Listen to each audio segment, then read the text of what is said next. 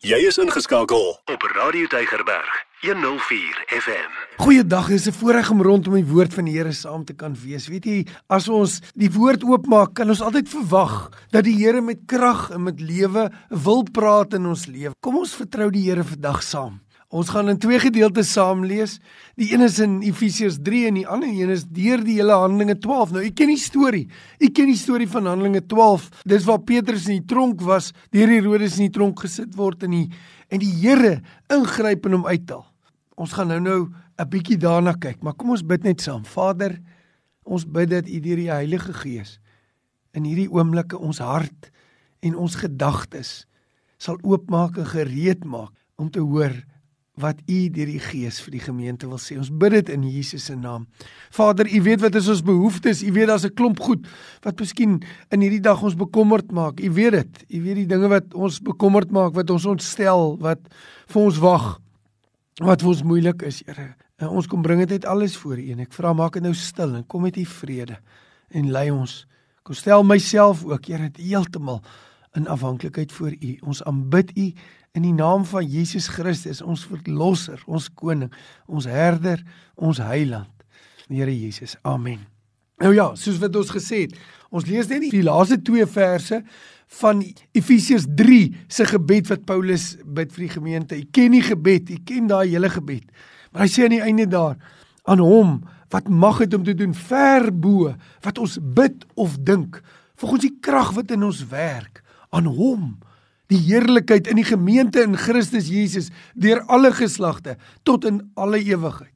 Amen. Dis 'n geweldige krag uitspraak van hom wat mag het om te doen ver bo wat ons bid of dink die engel sê exceedingly abundant what we ever ask for. Kom ons kyk na Handelinge 12. Nou Handelinge 12 ken u en ons gaan 'n stukkie stukkie lees in Handelinge 12 totdat ons 'n bietjie die boodskap bymekaar gaan sit. So as jy my sal toelaat, gaan ek stuk vir stuk deur Handelinge 12 lees en dan sal ons dit laat ontvou soos wat ons aangaan. Ons lees vers 1 wat sê: Omtrent daardie tyd het Herodes sy hande geslaan aan sommige uit die gemeente om hulle kwaad aan te doen en hy het Jakobus, die broer van Johannes, met die swaard omgebring. En toe hy sien dat dit vir die Jode welgevallig was, het hy verder ook vir Petrus in hegtenis geneem. Dit was in die dae van die ongesuurde brood. Okay, so kom ons verstaan gou-gou nou wat hier gebeur. Herodes is nie 'n populêre koning nie, nie onder die Jode nie. Rome vat hom maar nou net as 'n koning daar op die rand van die Romeinse ryk so en hy probeer om die Jode se gunste wen want hy moet hulle regeer. En hy's 'n Edomiet. Hy's 'n binnendringer ook. Hy's 'n politieke aanstelling. So en dan probeer hy sekere goed en een van die dinge kom hy agter dat die Jode haat die Christene. Hulle haat die Christene. En hy van die prominentste van hulle, Jakobus, die broer van Johannes in die binnekring van Jesus se drie disippels, Petrus, Johannes en Jakobus. En uh, dis duidelik dat Jakobus eintlik die man was wat voorgevat het op daai stadium in die kerk. Hy was miskien 'n bietjie sterker as Johannes sy broer, bietjie meer prominent en hy maak hom dood. En toe kom Herodes agter, maar die Jode was mal daaroor en toe probeer hy, nou gaan hy vir die volgende man wat hy sien as prominent en is Petrus. En hy hy gooi hom in die tronk. En dan sê die Bybel dis die dae van die ongesuurde brode. Met ander woorde, dis in die week voor Paasfees wanneer hy hom hier bymekaar bring en hy hy, hy neem hom in gevangenis. Want hy besluit, hy gaan net na die Paasfees, want die Jode kom van wyne af ver af om die Paasfees te kom vier. Dan gaan hy net na Paasfees hom oorlewer aan hulle. So hy gaan die held wees, nie net in die Joodse geleedere in Jerusalem nie, maar sommer weier die Joodse volk en dit is wat hy probeer. So dis hoekom hy dit dit nou so doen. Sinneloos. Net so sinneloos soos wat dit was dat hy Jakobus se kop afkap. En dan dan dink ek myself hoe die die skok geruk het deur die kerk dat een van hulle geliefde voorgangers sinneloos afgemaai is. Sinneloos afgemaai. Soos wat mense ook sukkel van mense wat hulle lewe verloor en nie voel dit was sinneloos. Die kerk sit in daai krisis. En dan word Petrus ook gevat. En hy word met geweld gevat en dan sê die Bybel ek lees aan. En toe het hulle hom gegryp en hy het hom in gevangenis gesit en oorgegee aan vier wagte van elkeen vier soldate om hom te bewaak met die bedoeling om hom na die Paasnaweek voor die volk te bring.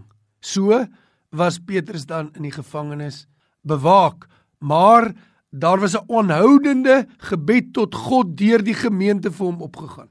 Daar was 'n aanhoudende gebed tot God deur die gemeente vir hom opgegaan. OK, so hy bewaak vir Petrus as 'n as 'n baie baie belangrike item. Dis so 'n belang. Hy hy vat 16 wagte, 4 wagte van 4 elk en hy bewaak hierdie man. Daai tronk was geweldig bewaak. Hy sit hom in die middelste van die tronk. Jy gaan dit nou sien. Hoekom? Want hy's die een wat hy net na die Paasnaweek wanneer al die Jode nog hier saam is en feesvol is, gaan hy wys. Hy's aan hulle kant. Hy gaan hulle mense oorlewer. Hy gaan hierdie keer vir hulle vra wat moet hy doen met Petrus en hy weet, hulle gaan sê hy moet, hy moet doodgemaak word want dis die Jode en dit en dit gaan hom baie baie politieke guns wen. Maar terwyl Petrus in die tronk is, terwyl hy deur 16 wag bewaak word, is die gemeente besig om aanhoudend tot God te bid vir hom. En natuurlik hier kan mense in Handelinge kan jy duidelik sien Wat is die manier hoe dra die gemeente mekaar se laste? Wat is gemeentelewe? Gemeentelewe is 'n fokus saam op die Here Jesus Christus. Saamkom onder een hoof wat Jesus is. En alle krisisse en situasies hanteer die gemeente eerste in afhanklikheid aan God en gebed. En dit is wat hulle doen. Okay, so so nou is ons by vers 6 en toe Herodes hom wou voorbring, het hy in daardie nag, met ander woorde die nag wat hy nou gaan voorkom die volgende oggend, tussen twee soldate geslaap met twee kettinge geboei en wagte voor die deur van die gevangenes bewaak. Onthou 16 wagte, né? Wat algemeen om om bewaak en dan sê met eens het daar 'n engel van die Here by hom gestaan en 'n lig skyn in die gevangenis.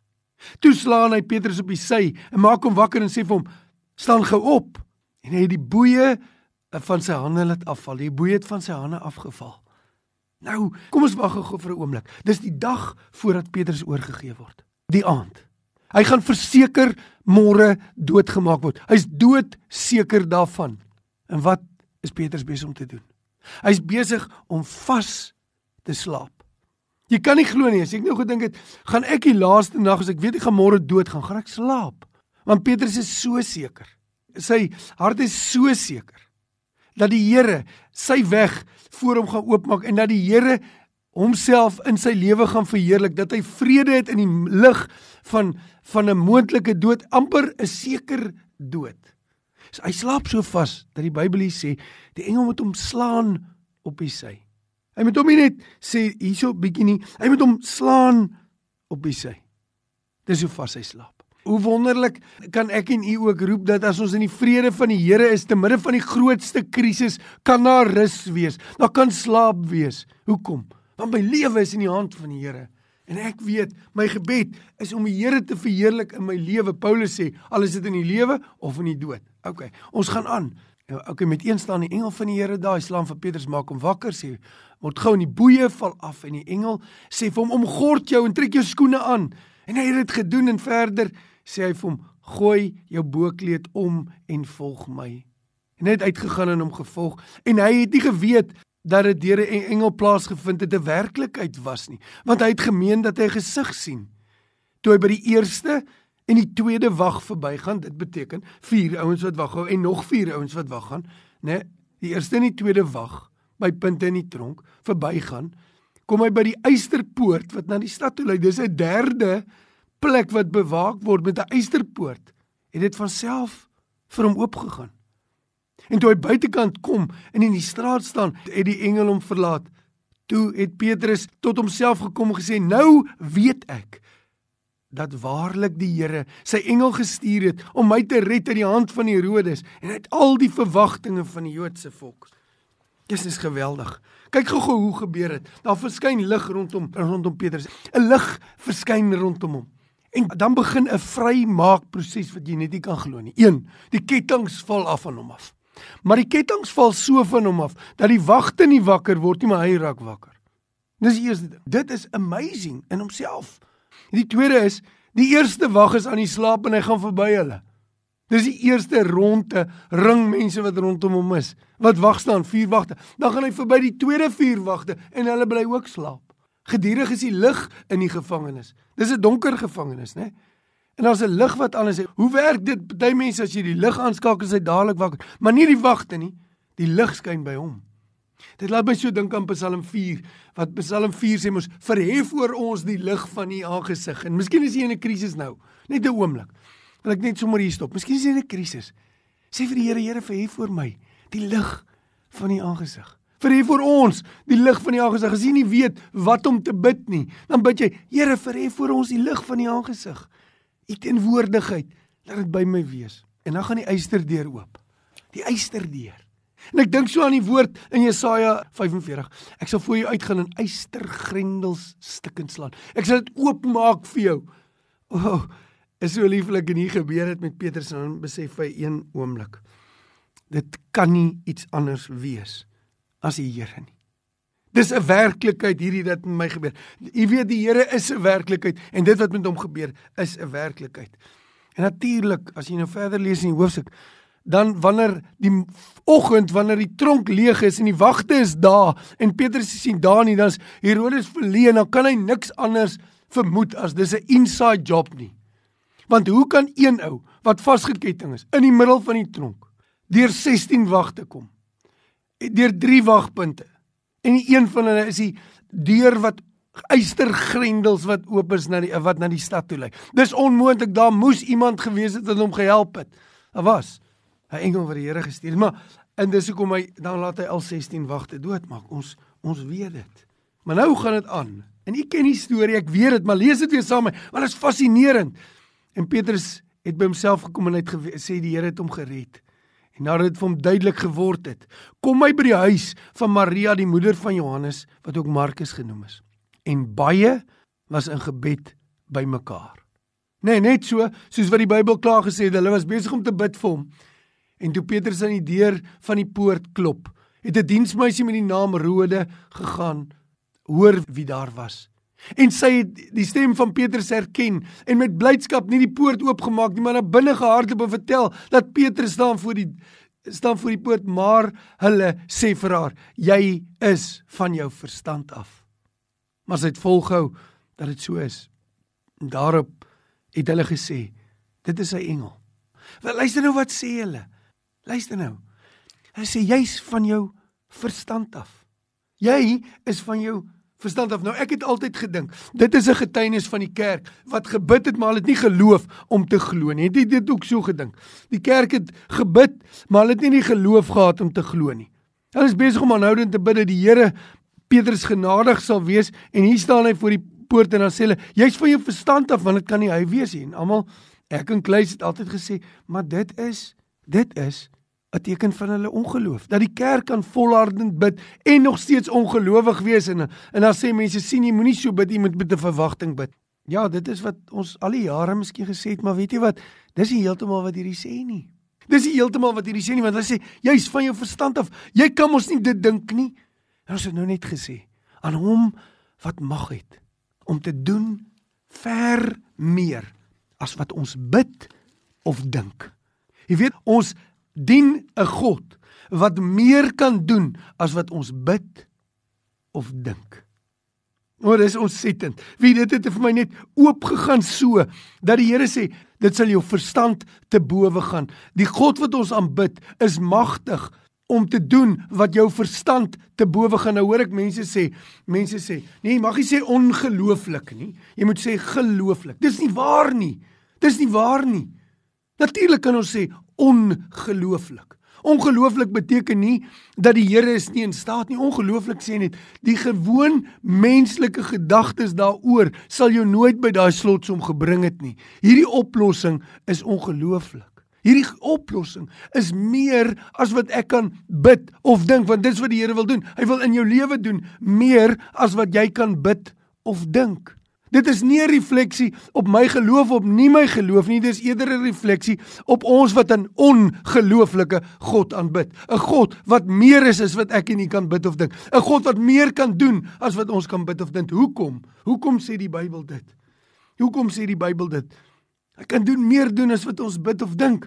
Volgens die krag wat in ons werk, aan hom die heerlikheid. 1 omdat die Here sy eie heerlikheid wil wys by tye in die gemeente. En dan bring hy dit op 'n manier wat vir 'n mens onmoontlik was om te bid of te dink, om te dink dit is die uitkoms. Jy sien gebed is nie om vir die Here 'n antwoord te gee, 'n paar oplossings vir die Here te gee, want hy het nie daaraan gedink nie. Gebed is nie ons wat vir die Here vertel hoe hy moet doen of ons wat sekere uitsprake maak en daarom verplig ons die Here om te doen nie. Gebed is ook nie ons effort van geloof wat maak dat die Here moet doen wat ons doen want ons glo dit nie en dat ek kan 'n ding in beweging glo nie. Dit is nie wat die Bybel sê nie. Nee, gebed is om voor die lewende God te gaan staan aan wie die heerlikheid toekom en wat in staat is om te doen ver moe as wat ons bid of dink hoekom? Want hy is 'n ongelooflike God.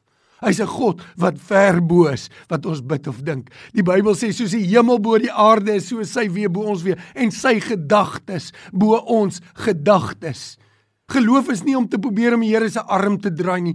Geloof is om na die God toe te gaan wat ongelooflik is, wat groter is as wat jy kan bid of dink, wat meer uitkomste het as wat ek en u kan hê. Die uitkomste wat die Here het is nie noodwendig ons uitkomste nie. Die plan wat die Here het is nie noodwendig ons plan nie en daarom bring die kind van die Here altyd by 'n punt waar hy sê Vader verheerlik U naam, want dit gaan nie oor my hart, my wil, my koninkryk en my naam nie, dit gaan oor sy naam sy koninkryk en sy wil. Aan hom kom die eer toe.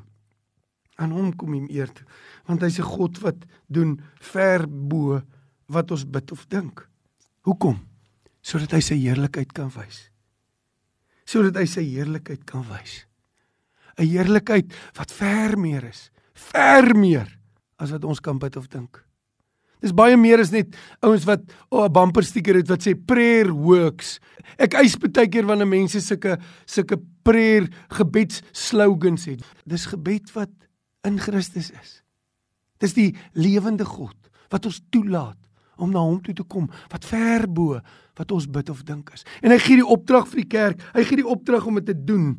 Hy gee die opdrag om dit te doen. Pas op vir hierdie prayer goetertjies wat mense baie keer sê ek nou die dag werk ek saam met 'n paar manne in 'n boek, 'n lieflike boek, lieflike boek. En uh, ons kom by 'n onderwerp van gebed en ons gesels sommer so 'n bietjie uit die woordheid en en daar's 'n klompie goed wat mense sê oor gebed en ek ek sê toe maar ek is 'n bietjie huiwerig daaroor. Ek voel kom ons hou maar by wat die Bybel sê oor die gebed en en en so voort. En uh, hulle gaan kyk toe van die oorsprong van van die oorsprong van daai goed was Gandhi wat gesê het mense wat glad nie die Here gedien het nie wat daai uitsprake oor gebed gemaak het. Nee, nee nee, hierdie is aan hom kom die heerlikheid toe in die gemeente in Christus. Hoekom wil die Here dit doen? Hoekom het hy in hierdie Handelinge 12 dit so gedoen sodat die woorde kan waar word en hom wat mag dit om te doen ver bo ons bid of dink? Nee, aan hom die heerlikheid in die gemeente in Christus deur al die geslagte tot in al die ewigheid. Amen. So met ander woorde, die Here wou sy heerlikheid vir daardie vir die eerste gemeente daar wys sy heerlikheid in Christus sodat hulle sal 'n stukkie beleef van die heerlikheid van die God wat doen ver bo wat ons bid of dink. Dit is waarom die Here dit hier, hierso doen sodat die geslagte nie net die geslag daar die jong en die ou mense daar in die gemeente nie want dit was almal daar saam. So die die die kinders sou gesien het die heerlikheid van die Here wat iets gedoen het ver bo as wat hulle bid of dink. Dit is is jy van jou verstand af. Dis die hele ding. Dit sê hulle vir haar, jy kan mos nie so iets dink nie. Dink jy nou hy kan hier wees? Ja, hy het daar gestaan sodat die gemeente die heerlikheid van ons Here Jesus Christus sou sien. Weet jy wat ons sien min die heerlikheid van die Here dink ek. Want ons is min eendragtig in gebed saam en roep oor sake wat ons geen beheer oor het nie nie 'n plan kan sien anders as dat die Here, die een wat mag het, ingryp nie.